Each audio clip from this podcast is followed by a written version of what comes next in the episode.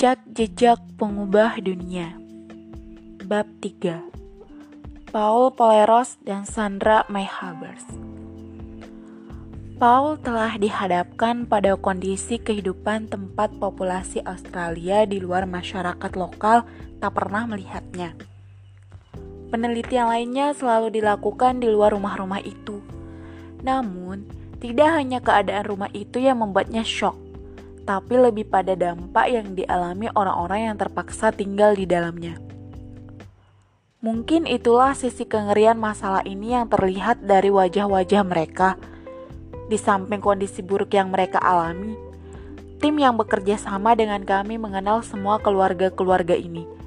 Mereka masih memiliki hubungan keluarga, pasangan, atau sepupu Hal tersebut bukanlah sesuatu seolah-olah sebuah pengendali menghapuskan kelompok abstrak di daerah terpencil dengan para pria berjas putih sedang melakukan penilaian. Pada malam hari, kami berkemah bersama orang-orang ini. Anda pun menyadari bahwa seluruh masyarakat ternyata tinggal dalam kondisi yang saya sendiri tidak pernah dapat memahaminya. Anda dapat membaca buku atau mendengar dari orang lain mengenai kisah tersebut tapi semua berbeda ketika Anda melihatnya sendiri. Kemarahannya terhadap situasi tersebut meningkat saat ia harus berurusan langsung dengan pemerintah.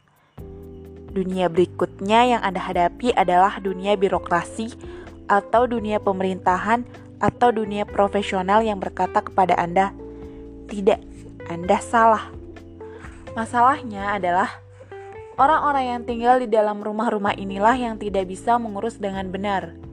Dan sudah cukup buruk jika Anda melihat kenyataan di lapangan. Tetapi kemudian, Anda harus menghadapi konspirasi semua orang yang tidak menerima bahwa hal itu memang terjadi, atau jika hal itu memang terjadi, bukan menjadi kesalahan siapa pun, tapi kesalahan orang-orang yang tinggal dalam rumah-rumah itu. Anda bisa gila jika Anda tidak memiliki semacam kemarahan yang dengan jelas mengatakan semua hal ini tidak benar. Tim tersebut berkeliling di daerah seluas 105.000 meter persegi di sebelah barat daya kota Alice Springs, menilai kondisi kehidupan sekitar 3.000 jiwa.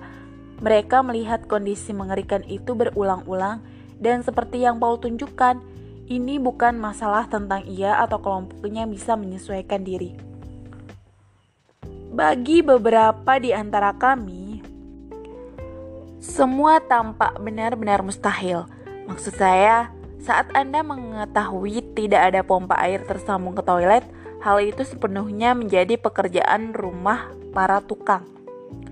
Dari waktu ke waktu, tim tersebut menghabiskan waktu satu minggu untuk memeriksa kondisi seperti itu di berbagai masyarakat yang berbeda, melakukan tanya jawab dengan Yami Lester lalu menghadiri suatu pertemuan dengan pejabat pemerintah dan diberitahu bahwa mereka semua salah. Jika rumah-rumah itu memang seburuk yang Paul ceritakan, yang pada awalnya tidak dipercaya para pejabat, semua itu karena orang-orang menyalahgunakannya dan secara budaya tidak cocok dengan tempat tinggal gaya barat. Pandangan tersebut berlanjut hingga tahun 2007, lebih dari 20 tahun kemudian. Kita memiliki berbagai sumber daya dari negara dunia pertama dengan ekonomi maju dan perilaku seperti negara dunia ketiga. Karena itu, kita berakhir pada solusi untuk negara dunia keempat, negara paling tidak berkembang. Baru-baru ini, kami mendapatkan nasihat dari Menteri Federal bahwa lebih baik membangun rumah untuk penduduk aborigin yang tak memiliki kamar mandi, toilet, dan dapur karena dengan pekerjaan kami ini sama saja mengakui bahwa daerah itu sangat bermasalah. Jadi, tinggalkan mereka. Karena secara garis birokrasi, mereka menganggap bahwa para penduduk aborigin pasti akan merusaknya kembali. Dan itulah alasan terhebat karena semua orang ingin melepaskan diri dari masalah itu. Para pembangun dan pemerintah ingin melepaskan diri dari beban itu Lihatlah rumah-rumah ini. Orang-orang terpaksa tinggal di luar. Saat pertama kali mengunjungi rumah-rumah itu, saya sangat memahami mengapa mereka tidak meninggalnya. Mereka tidak dapat tinggal di dalamnya. Secara pribadi, Paul terus belajar dari tokoh masyarakat yang buta itu, khususnya tentang bagaimana menjalani hidup dan menghadapi birokrat yang tak ada habisnya. Yami adalah sosok pria luar biasa yang memiliki peran di dua dunia. Ia mendukung masyarakat aborigin tradisional di dunianya dan ia juga memiliki peran yang sangat jelas di dunia birokratis serta dunia politis para kaum kulit putih. Sebelum mengadakan pertemuan dengan para birokrat, Yami selalu berkata, "Jangan habiskan seluruh peluru Anda. Simpanlah beberapa butir peluru untuk kanguru, kanguru itu." Dan ia akan menghubungkannya dengan sebuah kisah perburuan. Lanjutnya, Para pria muda menembak apa pun yang tampak seperti seekor kanguru. Hingga akhirnya, saat seekor kanguru benar-benar muncul, Anda tidak punya sebutir peluru pun yang tersisa. Anda mendapati diri Anda ternyata telah menghabiskan seluruh peluru untuk menembak kelinci. Yami akan menyimpan senjata untuk hal-hal yang benar-benar penting. Saya banyak belajar darinya. Saat kelompoknya mulai melakukan survei, Paul selalu ingin segera bekerja. Tetapi, Stefan menasehatinya tentang cara menghadapi situasi yang berhubungan dengan adat istiadat seperti itu. Sebagai pria muda kulit putih yang tadi kenal, bahwa dia perlu duduk dan berbicara dengan orang-orang itu untuk sementara waktu, menjelaskan apa yang akan kami lakukan dan mempersiapkan mereka. Lalu, seperti yang telah dilakukan Sandra saat ia dikirim untuk mengerjakan laporannya, mereka pun dapat memperbaiki keadaan pada waktu yang sama. Anda tak pernah menghadapi suatu masalah, melihatnya dan berlalu begitu saja hanya dengan sebuah laporan.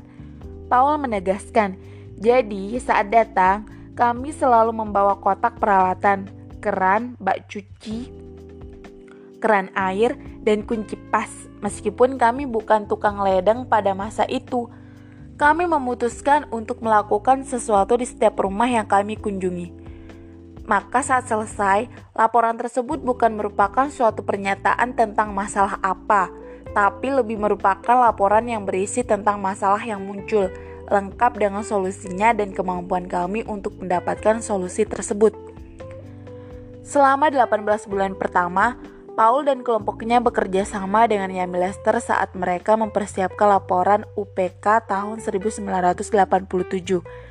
Dalam laporan tersebut tercatat daftar 9 target yang disusun Dr. Terzilo ditambah laporan hasil penyelidikan seluruh tim.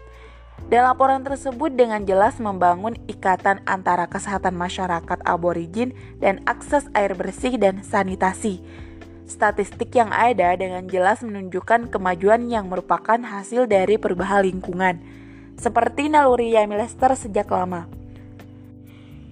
Infeksi kulit menurun, infeksi mata berkurang. Hal ini merupakan penanda kondisi lingkungan jangka pendek. Jika Anda mengubah lingkungan, kondisi kesehatan pun akan berubah, kata Paul. Kelompok itu terus bekerja sama dan pada tahun 1994 mereka menerbitkan buku Housing for Health Towards a Better Living Environment for Aboriginal Australia atau Rumah Kesehatan menuju lingkungan hidup yang lebih baik untuk penduduk aborigin di Australia yang merupakan suatu kajian terhadap 12 rumah UPK selama setahun. Saat itu, publikasi tersebut diluncurkan di parlemen oleh Menteri Kesehatan. Sekarang, masyarakat aborigin lain juga ingin bekerja sama dengan si arsitek, dokter, dan antropolog tersebut. Keadaan mulai berkembang. Kami memulainya di Australia Tengah. Masyarakat di Queensland berkata, "Baiklah, jika Anda melakukannya untuk mereka, mengapa Anda tidak melakukannya untuk kami?" Berikutnya, New South Wales, lalu Northern Territory lalu Northern Territory, dan Western Australia. Pada saat saya menulis buku ini, organisasi yang sekarang dikenal dengan nama Health Habitat ini telah memiliki 15 manajer di seluruh negara dan 30 proyek aktif. Kebanyakan dari para staf merupakan penduduk lokal asli yang tinggal di masyarakat yang mereka layani. Untuk mempertahankan ketidakterikatan mereka terhadap berbagai badan pendanaan, tiga direktur tersebut tidak menerima gaji. Namun, bertentangan dengan gagasan apa pun bahwa tiga pria kulit putih inilah yang melakukan pertolongan. Paul menunjukkan bahwa keseluruhan program dimulai dari masyarakat aborigin. Yami memiliki pengetahuan yang dalam tentang sasarannya. Inisiatif tidak datang dari pemerintah, para profesional, dokter, lembaga arsitek, universitas, atau pemerintah negara.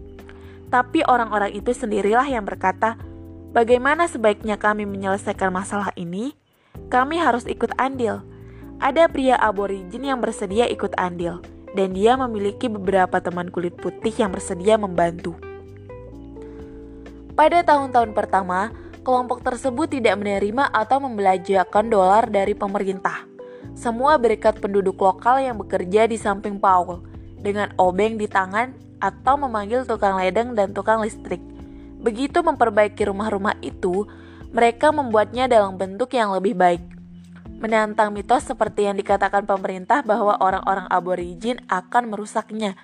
Jika Anda menggunakan bahan-bahan yang lebih bagus, jika Anda memastikan keran-keran berkualitas bagus, pasti ada perubahan. Kami mendapatkan beberapa angka pasti yang menunjukkan bahwa Anda dapat menurunkan lebih dari 90% regresi dan bersungguh-sungguh melakukan pekerjaan dengan baik. Sementara mengerjakannya, Anda mendapat bantuan di sekitar Anda dan bantuan itu masih ada saat Anda pergi. Kelompok kami terdiri atas orang-orang yang akan tetap tinggal di sekitar tempat itu. Mereka memang tinggal di sana. Apa yang Paul temukan adalah bahwa daripada menjadi masalah, orang-orang dalam masyarakat dengan minat pribadi terbesar malah menjadi yang terbaik dalam menyelesaikan masalah, seperti ibu, ayah, dan anak-anak di setiap rumah. Jika mereka melihat bahwa mereka dapat melakukan pekerjaan membuat kamar mandi atau toilet, mereka akan membantu. Mereka ingin belajar bagaimana mengerjakannya. Setelahnya, mereka pun mendapat obeng dan kunci pas. Alasan mengapa masyarakat itu tidak melakukan hal yang sama sebelumnya adalah karena keahlian yang dibutuhkan ternyata di luar kemampuan ahli pertukangan di masyarakat. Maka, kelompok Paul pun melatih masyarakat setempat untuk memiliki keahlian menjadi tukang ledeng. Bagi Paul, ini semua bukan tentang pemberdayaan, tapi tentang kegunaan dan kepraktisan. Kami tidak melatih mereka untuk sebuah cerita manis, bahwa bagus juga jika ada wajah aborigin yang melakukannya. Kami melatih mereka karena bantuan mereka akan mengurangi hampir seluruh anggaran tetap kami jika ada orang-orang setempat yang bersedia melakukannya. Di sinilah biasanya muncul kesalahpahaman. Bukankah hal itu sangat hebat? Anda menciptakan lapangan kerja. Tidak, tugas saya adalah memperbaiki rumah-rumah itu. Jika seseorang dapat menunjukkan kepada saya cara yang lebih baik tanpa melibatkan orang-orang aborigin, saya pasti akan mempelajarinya. Saya pasti akan mempelajarinya. Tapi ternyata tak ada seorang pun yang bisa. Bahkan saya tak bisa melihat kemampuan mereka. Mereka hidup dari pekerjaan itu. Itulah bagian kunci dari apa yang membuat saya terus melakukannya. Selain karena saya bekerja bersama dua pria muda lain, Paul si dokter dan Steffi. Anda tidak mungkin bisa mendapatkan pengalaman yang sama dalam kehidupan Anda yaitu bekerja sama dengan orang-orang luar biasa setiap hari. Anda mengerjakan suatu hal besar dan tak mudah diselesaikan. Setelah laporan UPK, muncul ide Stephen untuk membuat album musik yang mampu mengusung pesan untuk anak. Masyarakat pun menyusun band rock setempat dan merekam CD yang terjual luar biasa laris dan masih dijual hingga 20 tahun kemudian. Album tersebut mengusung Sour Block Song, bergaya country, lagu Septic Tank yang ngerok, Septic Tank untuk kau dan aku atau agar kita terhindar dari tertular penyakit dan lagu Germs Bless yang mudah diingat diiringi dengan petikan gitar. Ada banyak sampah di halaman atau kenapa tidak dibuang atau ada kuman, ada kuman di mana-mana. Paul sangat bangga dengan CD hasil rekamannya. Sama bangganya dengan rumah-rumah yang berhasil dibangunnya. Semua memiliki pesan yang kompleks untuk anak sebagai target utama kita. Seluruh lirik lagunya ditulis sebagai bentuk inisiatif terbaik untuk kesehatan masyarakat yang pernah dibuat di Australia bersama orang-orang aborigin. Di luar pekerjaan ini, daftar riwayat hidup Paul Polero sendiri ternyata sangat mengesankan. Dari perumahan mewah di Sydney hingga tempat peristirahatan yang ramah lingkungan di Cina. Bersama Sandra, ia juga merancang serta membangun sebuah rumah sederhana yang memukau di pantai utara Sydney. Tetapi, ia menghabiskan 30% jam kerjanya untuk bekerja tanpa gaji. Bahkan sekarang ia sedang merancang, membangun, dan atau memperbaiki banyak kamar mandi di pedalaman. Baginya, semua itu merupakan tantangan terhebat dalam karirnya. Sisi menariknya adalah terlibat dalam semua itu Mungkin kami gagal, mungkin tidak terjadi apa pun. Paling tidak, Anda sudah mencobanya. Saya telah mendapat filosofi sederhana tentang semua itu. Cobalah dulu. Apa yang mengganggu saya adalah bahwa para arsitek profesional tersebut berdiri dan berkata betapa brilian pekerjaan yang telah mereka lakukan tentang kompleksitas arsitektur. Tetapi, sementara itu masih ada orang yang hidup dalam kondisi tidak sehat Tak seharusnya semua santai-santai saja saat ada hal seperti itu terjadi di negara Anda sendiri. Saat Anda berhasil menyelesaikannya, pergilah ke negara lain dan berikan bantuan yang Anda bisa. Pada tingkat yang sederhana, hal ini memang tidak adil, seperti membagi dunia menjadi dua dengan tidak semestinya.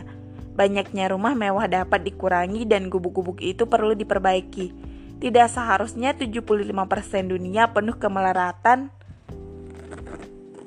tidak seharusnya 75% dunia penuh kemelaratan dan 25% hidup dalam suatu gaya yang bahkan tak ada seorang pun yang dapat memahami betapa kaya mereka.